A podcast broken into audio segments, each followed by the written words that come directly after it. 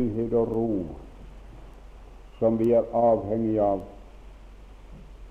for å kunne se og høre ditt ord og oppfatte det på en måte som behager deg. Gi oss den hjelp vi trenger til legeme, sjel og ånd for at det skal lykkes. Amen.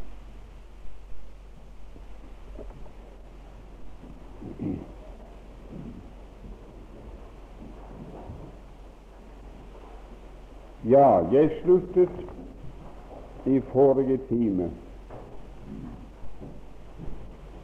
med å understreke det forholdet at Kristus han var menneskesønnen. Og ikke bare menneskesønnen, men han ble mennesket og det annet mennesket, den siste Adam. Og som sådan representerer han for Gud en helt ny slekt. Fra 1. Grinde 15, 47 og 48 der leste vi om den første og den siste Adam. Og vi leste om de jordiske og de himmelske. Det første mennesket var av jorden jordisk, og sådan er også de jordiske så hele den første slekt som kom fra den første stamfader, de er jordiske. De er født nedenifra av jorden og er jordisk. Jeg kommer på i øyeblikket Jeg har en god venn som er predikant med stort lys i Guds ord, og han er nokså slagferdig. Så sa han de har noe som de kaller jordfestelse når folk er døde. Det anser jeg, sa han, for å være svært overflødig å jordfeste dem. For de er jordfestet fra de var født, lenge før de dør. Det er ganske riktig. De er jordiske og kan aldri være noe annet og klynge seg til jorden. Men så står det at den siste Adam, det annet menneske, er av himmelen, himmel. Og sådan er de himmelske. Altså, slik som stamfaderen er, så er også den slekt som er avlet av ham. Og like sant som vi er født på ny, født av den siste himmelske stamfar, det annet menneske. Like sant er vi overfor Gud lik ham. 1. Johannes 4, 17. Like som Han var, bør vi være Nei, heldigvis. Og ingen leser slik, men mange preker slik. Akkurat som om det sto. Men det står at sådan som Han er, så er òg vi i denne verden. Det er et svært ord. Det vil si at av utseende, av karakter, er vi ikke som han. Han var helt igjennom ren og hellig, uten synd. Og Derfor betonte jeg det så sterkt når jeg leste det i forrige time. Derfor skal det hellige som fødes av deg, kalles Guds sønn. Det mennesket, det legemet som Gud dannet i Marias liv, det var tvert igjennom hellig og uten synd eller noe sådant. Så med hensyn til den side av saken, så er vi ikke slik som han er nå. Nei, men i vårt forhold til synd og til den kommende dom er vi nøyaktig slik for Gud som Han er. Da Han sa det var fullbrakt, så var Han ferdig med all synd og med all dom og med all straff. Og den som nå er født av ham og i ham, har nøyaktig den samme stilling overfor Gud. Og Det er derfor vi synger så vidunderlig den gamle sangen vår. Det er merkelig at egenrettferdige folk tåler å høre at vi synger det. Det må komme derav at når bare det kommer fra gamle salmediktere, så godtar de det uten å reflektere. Men vi synger ren, bein fram ren og rettferdig.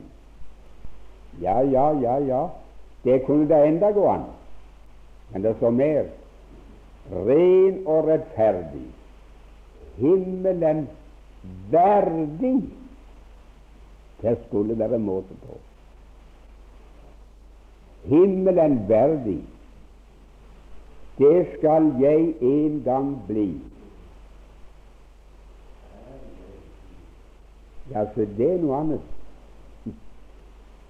Det er jeg i den personen som står her? Nei, nei.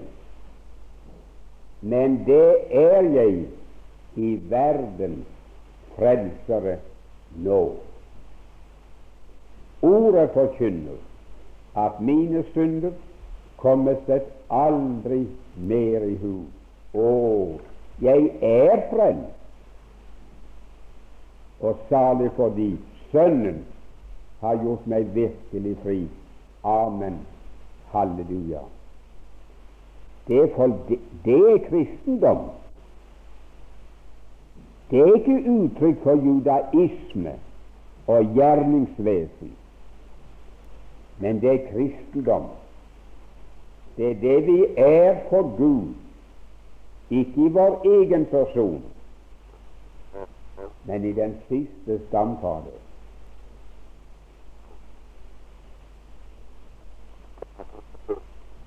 Det er umulig å kunne føre den tanke videre. Jeg ville gjerne ha gjort det, men da må jeg la en hel del andre ting gå ut.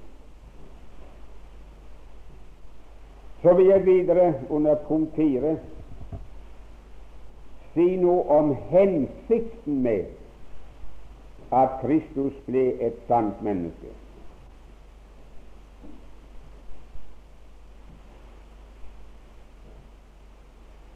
Da skal jeg nevne noen få ting uten noen annen innledning.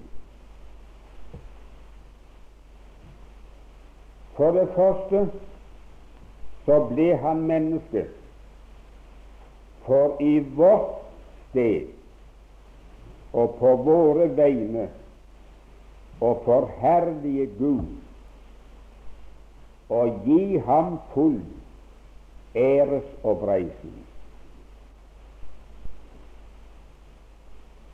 I Johannes 17, vers 4 sa han i sin ypperste prestelige bønn Jeg har herliggjort deg på jorden. I det jeg har fullbyrdet den gjerning som du ga meg å gjøre. Det heter bare ved Jeg har herliggjort deg på jorden. I Hebreabrevet 10, 5-10 Jeg bare refererer til det. Der sies det at Gud laget ham et legeme, og så vendte han seg til Gud og sa, Se, jeg kommer, jeg kommer. I bogrollen er det skrevet om meg for å gjøre, o Gud, din vilje. Han tar det første bort, og så innsetter han det annet. Og så heter det videre at ved denne vilje, som han kom for å gjøre, og som han gjorde, er vi helliget en gang ved ofringen av Jesu Kristi legeme en gang for alle. Det å forherlige Gud var intet annet og intet mindre enn det Gud som skaper, hadde krav på. All et menneskes liv skulle ha vært en herliggjørelse av Gud. Som Guds bilde skulle Adam og hans slekt vært en avspeiling av Gud i denne verden. Men det finnes ingenting, godt folk, som menneskeslekten, ethvert Adams barn. Der kom det til kort, og på det punkt har jeg felt mine bitreste tårer som en kristen.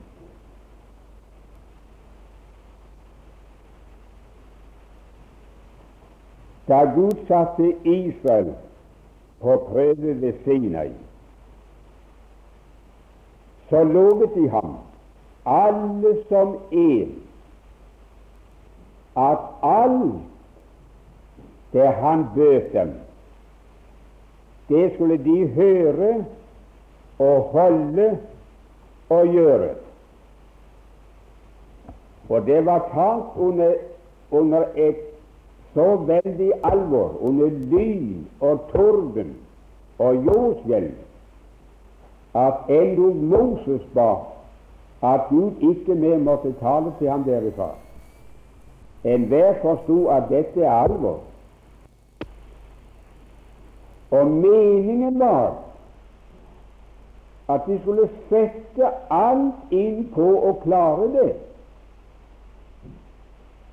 Men vet du, allerede mens Gud holdt på å skrive sine bud på tavlene, så brøt de det første.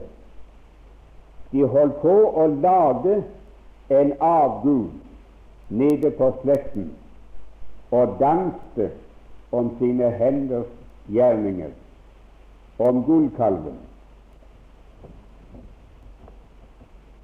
Historien for øvrig, den går jo fra de kjenner.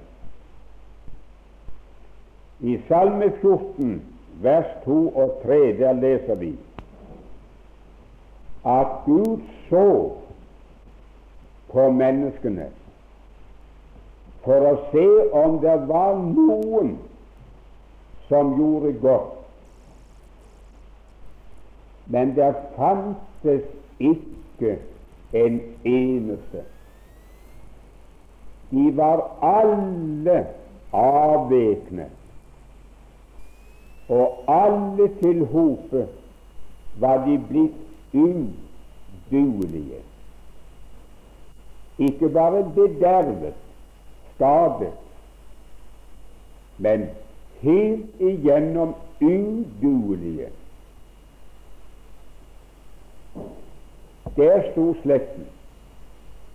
Og selv det utvalgte Israel sto fast der. De klarte det ikke. Men så går folk hen til miraklet at menneskesønnen, det annet menneske, steg inn i verden. Og med en gang han steg inn, vendte han seg mot Gud, og så sa han, Gud, se, jeg kommer for å gjøre din vilje.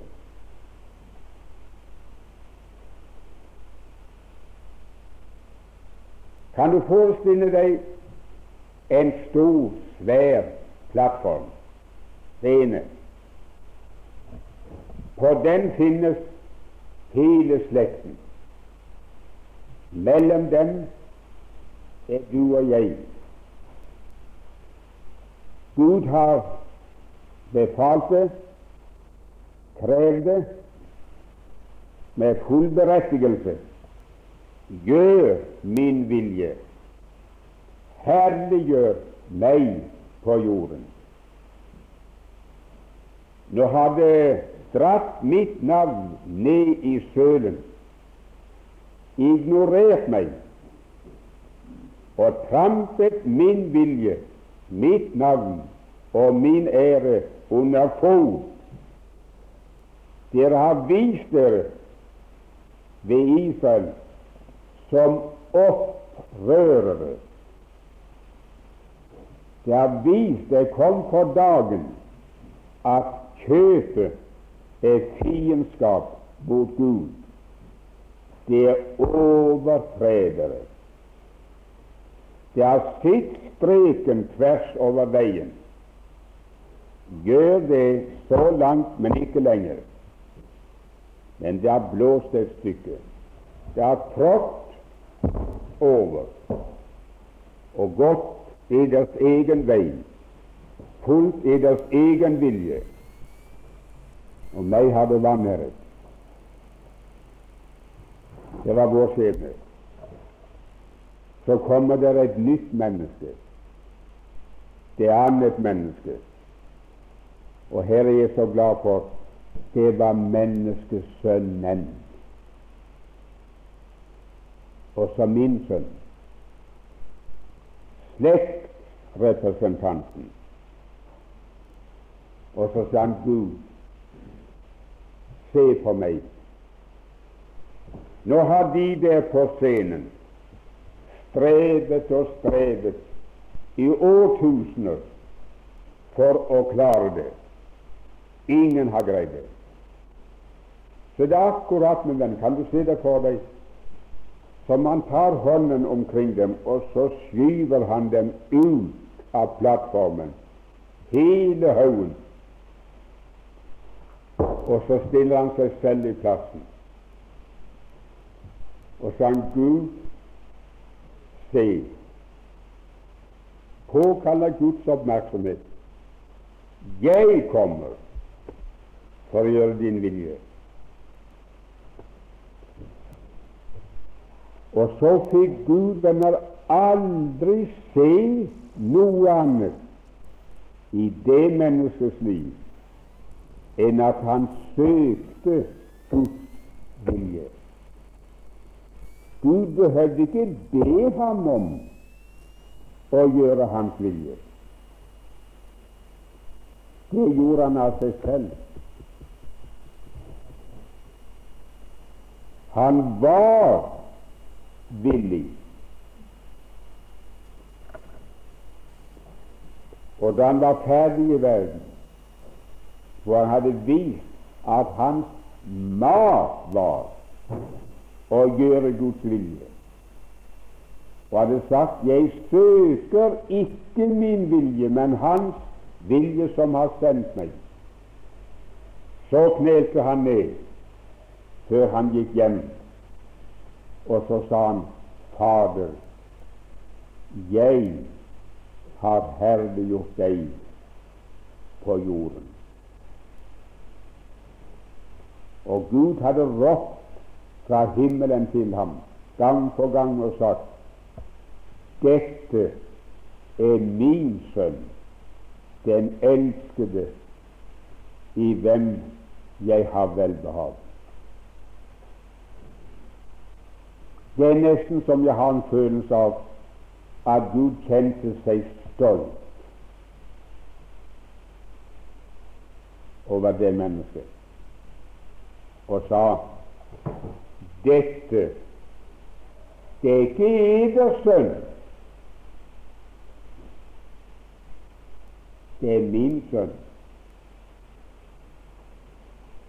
Og det er ikke bare en sønn som jeg elsker, men det er min sønn, den elskede. I ham har jeg velbehag. På svensk står det syns jeg, enda bedre. I håna har jeg funnet behaget. Før hadde Gud sett ned på menneskenes barn for å se om det var noen som behaget ham. Og det fantes ikke en flekk han kunne se på med velbehag.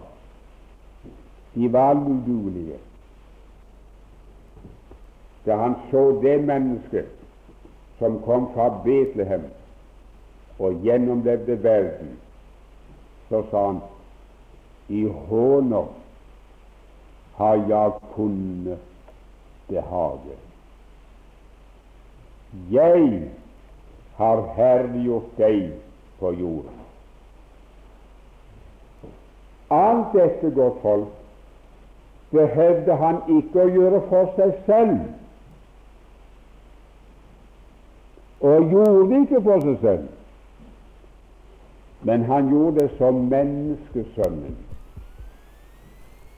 som det annet menneske, den nye stamfader, og følgelig gjorde han det som min stedfortreder.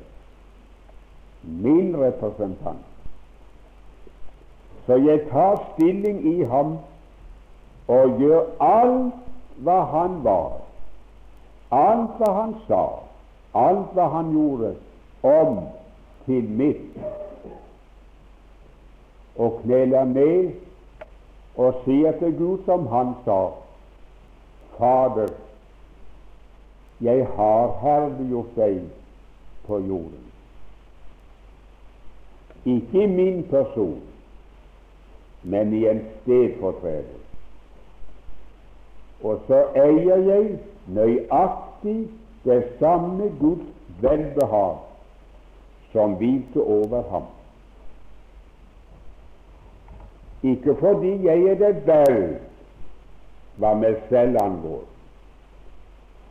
Det er langt derfra. Tok Gud hensyn til det, så hadde han for lenge siden vendt med ryggen. Men jeg eier det i kraft av Guds eget verk og Hans eget vise råd og det Han ga meg da Han satte et nytt menneske inn i verden.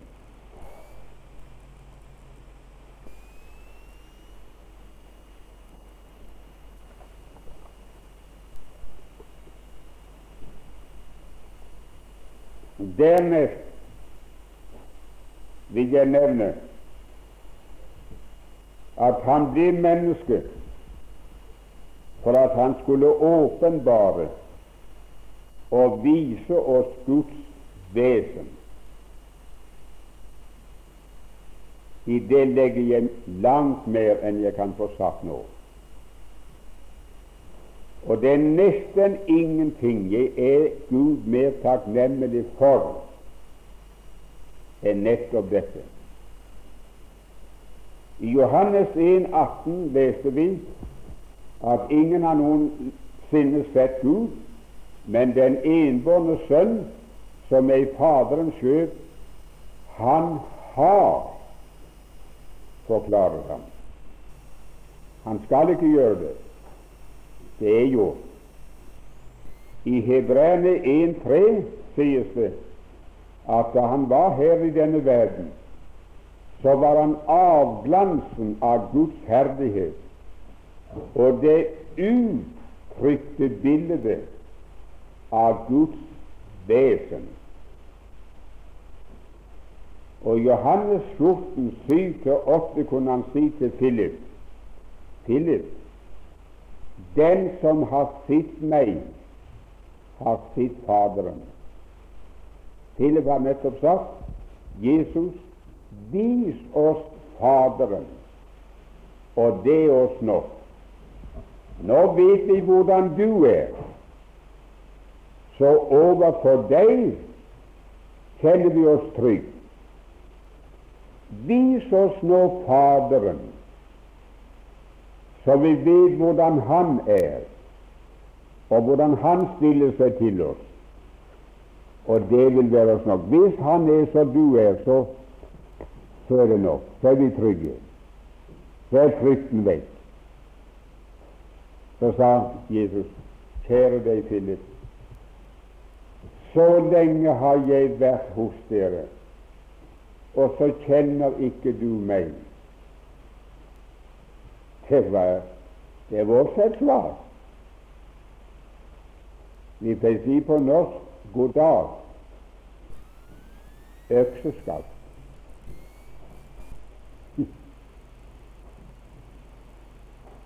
Vis oss Faderen, sa Philip. Og så sier Jesus og så kjenner ikke du meg. Var det noe svar? Forstår du, Philip? Den som har sett meg, har sett Faderen. Om jeg forsvant her fra salen, og det var mulig at du kunne personifisere seg og ta min plass og de visste at dette er Gud selv, Faderen, som sitter her, så vil de ikke få se noe nytt. Og han vil ikke ha noen annen ting å si dere enn det jeg har sagt. Og dere vil ikke få andre følelser enn de følelser dere har når jeg sitter her. Jeg har forklart ham de ord jeg har talt, det er ikke mine ord, men det er Han som har sendt meg. Og de gjerningene jeg har gjort, det er ikke mine gjerninger. Men som jeg ser min Fader gjør, så gjør jeg.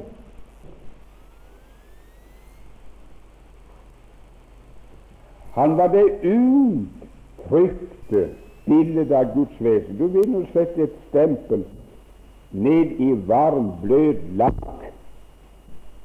så står det et nøyaktig avtrykk i lakken av det som står i signettet. Ser du på signettet, så kan du snu hodet omtrent som du vil. Du klarer ikke å løse det hvis langt og vanskelig navn, på bokstavene som bakvendt. Men trykker du den i lakken, og pik! Var det det som sto der? Nå kan du lese det. Nå forstår du det. Mine tilhørere, når de ser meg som står her på prekestolen, så er det ingen av dere som ser mitt vesen. De ser bare min skikkelse. En manns vesen er noe ganske annet enn en manns skikkelse og væreform. En persons vesen, det er det som han i virkeligheten er når andre mennesker skal ha med ham å gjøre. Jeg hørte nylig en mann som sa om en annen Ja, sa han, det er sant nok at han eh, han er ikke meget å se til, den uh, mannen vi snakket om. Han er ikke meget å se til, men han har et godt vesen. Det vet jeg, sa han, for jeg har hatt meget med ham å gjøre i pengesaker.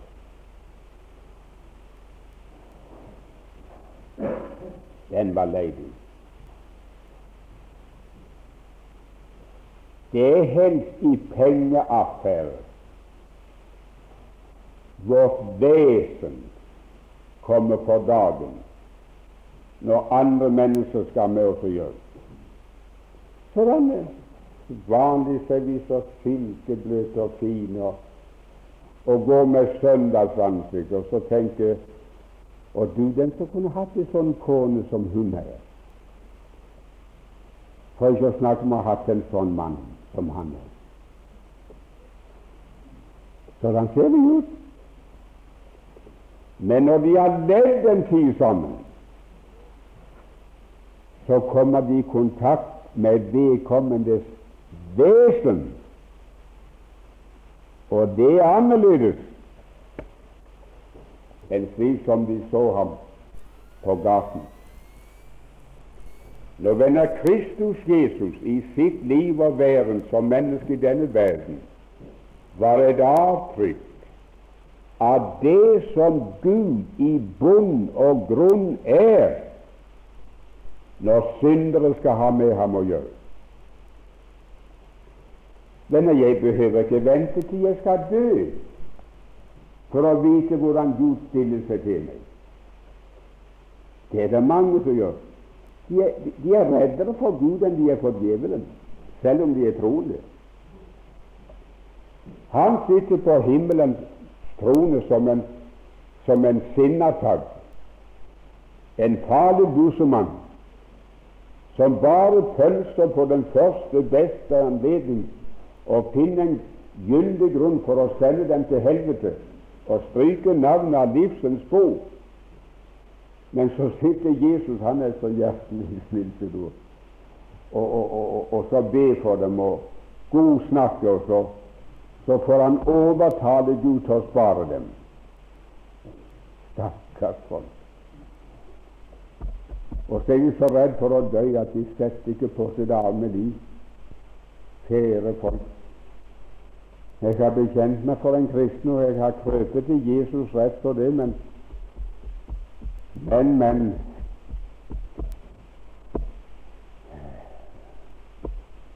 Hvordan skal det gå når jeg skal møte Gud sjøl? De tør nesten ikke puste. Venner, jeg er ferdig med det her.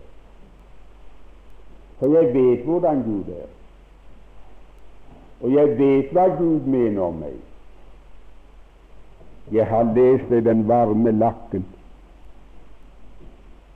Jeg har fått avtrykk av Hans vesen, og det har jeg fått i Kristus Jesus. Så kjenner du meg, Philip, så kjenner du Faderen. Vi to er. Det er ingen forskjell.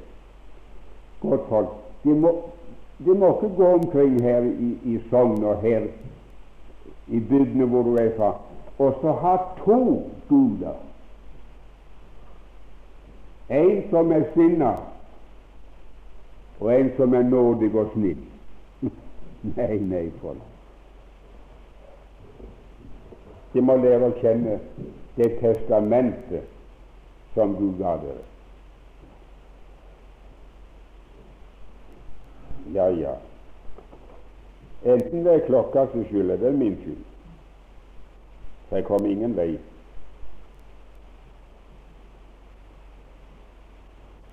For jeg si et par ord om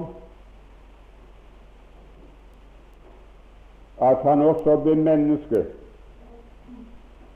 for å åpenbare den fulle og endelige sannhet.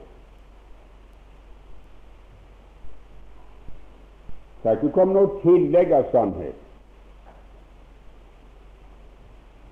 I Johannes 14, sier han 'Jeg er sannheten'.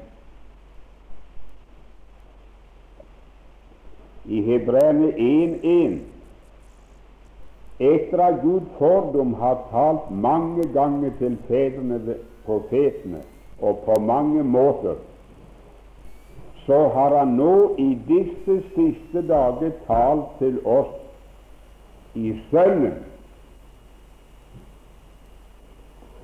I Johannes 1 leste vi først to vers og vers 14 at han kaltes Ordet som var hos Gud. Og vet dere, mine tilhørere, det er intet navn på min frelser som jeg setter mer pris på enn Ordet.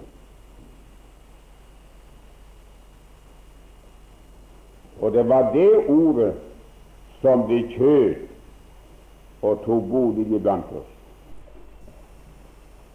Hva er våre ord for noe?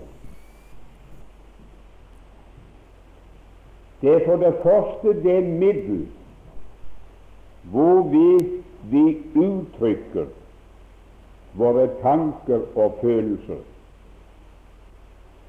Hvis jeg ingenting sa der hvor jeg ferdes, og hvis jeg ingenting hadde sagt til kona, til barna mine og til naboene, hadde ingen visst noe som helst om mine tanker og mine følelser. Vil jeg meddele dem til andre, så må jeg bruke ordet eller så må jeg ha lært døvespråk. Og gjøre meg forståelig.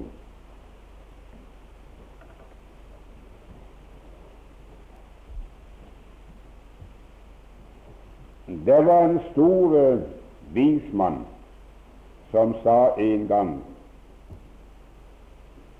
Ta mennesket, og jeg kjenner deg. Jo mer vi snakker, jo mer vi sier, jo mer blotter vi oss selv. Til bedre kjenner folk oss. Noen kan ha et utseende som vi ser meget forstandige, nesten lærde ut. Det er bare noe vi holder tett og ikke sier noe.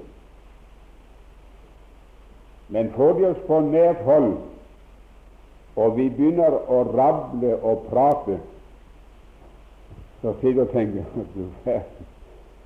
Var det ikke mer i han der? du? Han var som ei tom tønne.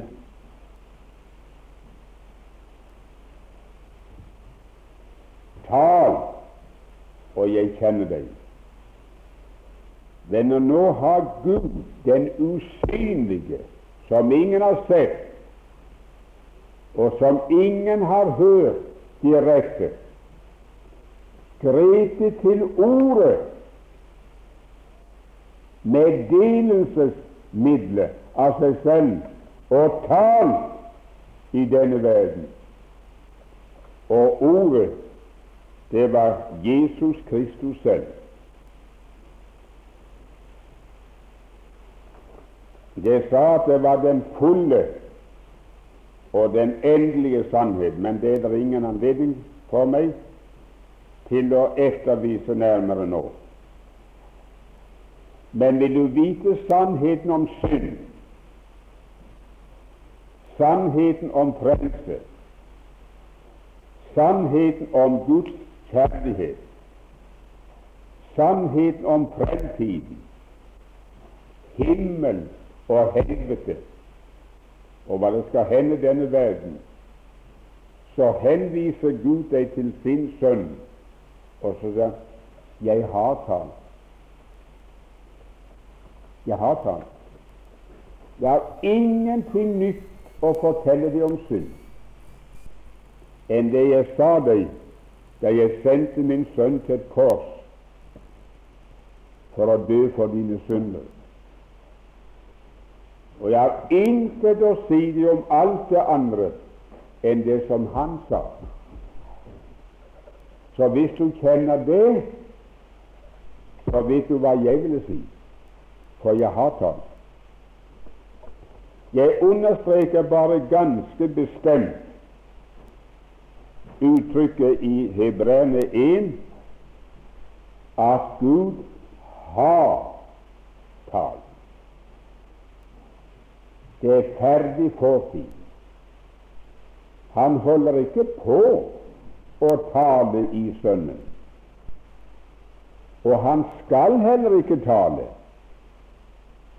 men han har talt. Hans siste ord, det er kommet. Jeg har nær sagt disse stakkars pinsefolket omkring i landet vårt. De påberoper seg at de profeterer og forteller oss noe nytt som Gud ikke har medgitt oss i sitt ord. Det skal komme som et tillegg. Vi skal få vite noe mer enn det vi har fått vist her. Det er djevelens bedrag og intet annet. For Korinterbrevet 13 sier at den profetiske gave, den er opphørt. Den er ikke med. Det kan ikke komme noe utover det som Gud en gang har talt. Jeg vil si det sånn at Guds siste ultimatum til denne verden, det foreligger. Nå er det enten å ta imot Hans Sønn og være frelst ved troen på ham, og ellers å gå redningsløst fortapt. Det er ingen vei utenom. Det er ikke rom for noen ny note og nye forhandlinger. Gud går ikke med på noe annet. Han har talt. Siste ord er kommet, og det er vi nødt å ta stilling til. Jeg må ta et par minutter, skal jeg få avslutte.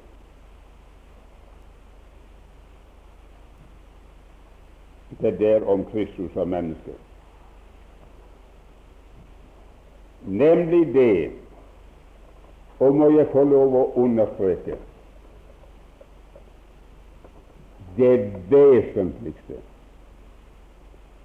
Han blir menneske for ved sin død Eller la meg si det annerledes.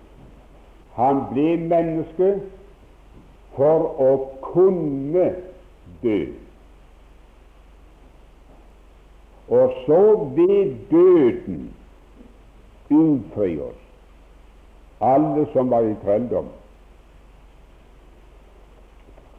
Dommen over oss mennesker, hele Adamslekten, den lød på døden. Esekiel 18,4. Den sjel som synder, skal dø.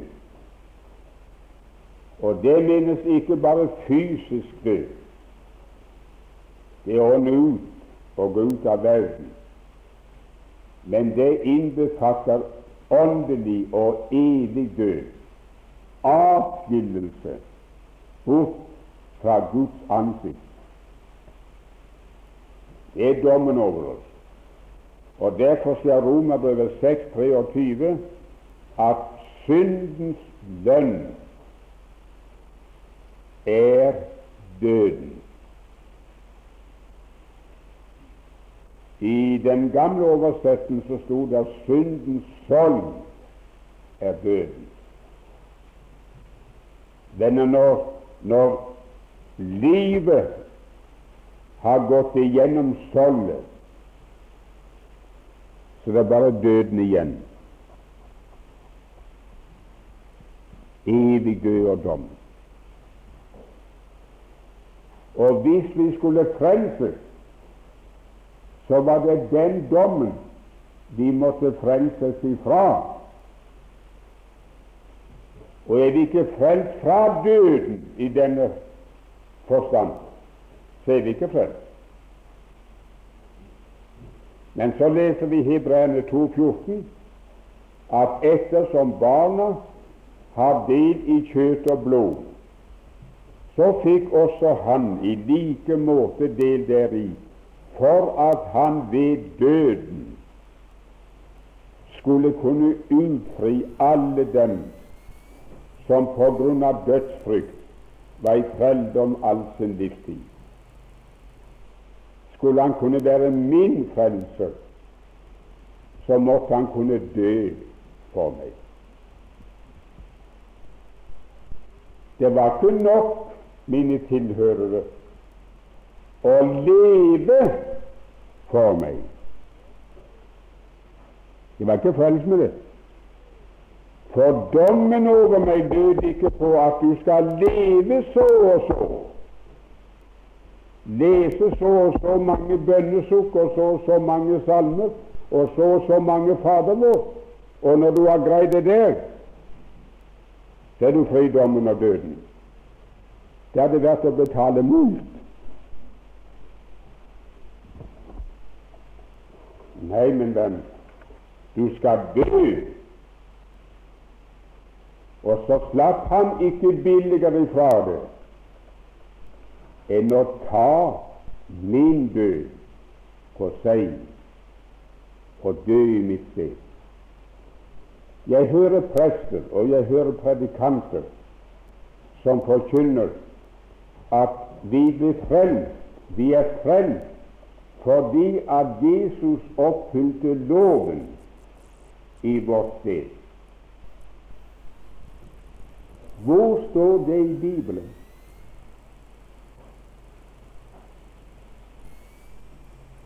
Jeg har alle funnet det. Hvis det hadde stått i Bibelen, godt folk, så hadde Jesus sluppet billig i affæren. For for ham var det den letteste sak av verden å oppfylle og holde den loven. Og hvis den dere var riktig, så er konsekvensen at loven var gitt i den hensikt at menneskene skulle holde den, og så fikk de frelsen som belønning for det. Da var den gjerningsveien frelsesvei. Men Bibelen sier uttrykkelig at loven har andre vært gitt for at folk skulle bli frelst ved den. Men den ble lagt til for overtredelsenes skyld, for at fallet skulle bli stort. Det skulle komme på dagen og bli åpenbart hva konsekvensen av det første menneskets synd og fall egentlig var. Hvor dypt et menneske var fordervet. Og så ble det beste av jordens folk tatt ut og satt på prøve ved Sinai og viste seg å være helt uduelige. Så hele verden har kjørt den linjen ut. Nei, venner, min frelser slapp det så lett ifra det og frelse meg som å, å holde de ti budene. Så er det ingenting om det. Selv om jeg satt like mange prester og biskoper her som jeg sitter alminnelige lekfolk, så sa jeg nøyaktig det samme. og utfordrer enhver til å vise meg hvor det står i Skriften at Han frelste oss på den måten. Nei, min venn, Han kom til denne verden for å dø i mitt sted. Noen sier, det har jeg gjort så mange ganger, at Kristi blod er så verdifullt at bare én dråpe av Kristi blod ville være nok. Har du hørt på snart? De hudstrøk ham, og det falt mange blodstråker. De var like fortapt. De tornekronet ham, og det fløt dråper av blod. Det hjalp ingenting. Men da han hadde uttømt sin sjel til døden, så sa han det er fullbrakt.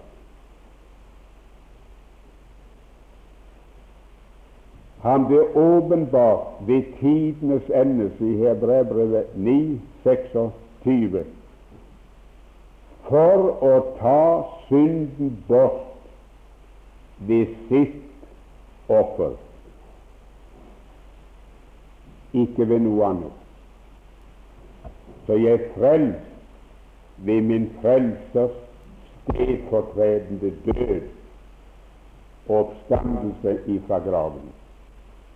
Derfor ble han i aller dypeste forstand et sant og et virkelig menneske. Jeg skulle preke sammen med en prest et sted for en tid tilbake.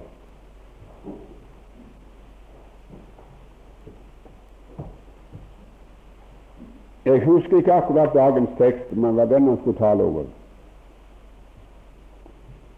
Men jeg tror det var noe i forbindelse med det der Et nytt bud gir jeg dere for at de skal elske hverandre. Og så kunne han få seg til å si at så satt Gud oppe i himmelen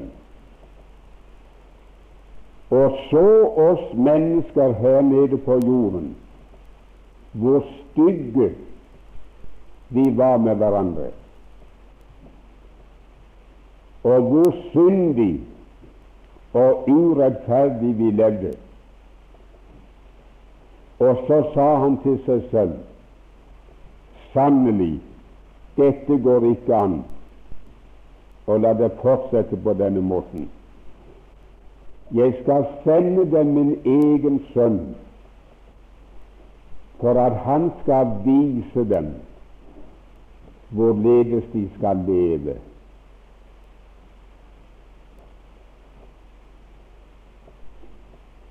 Gud hjelpe oss.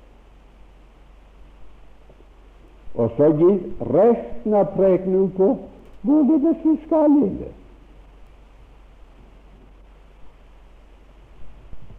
Er løgn.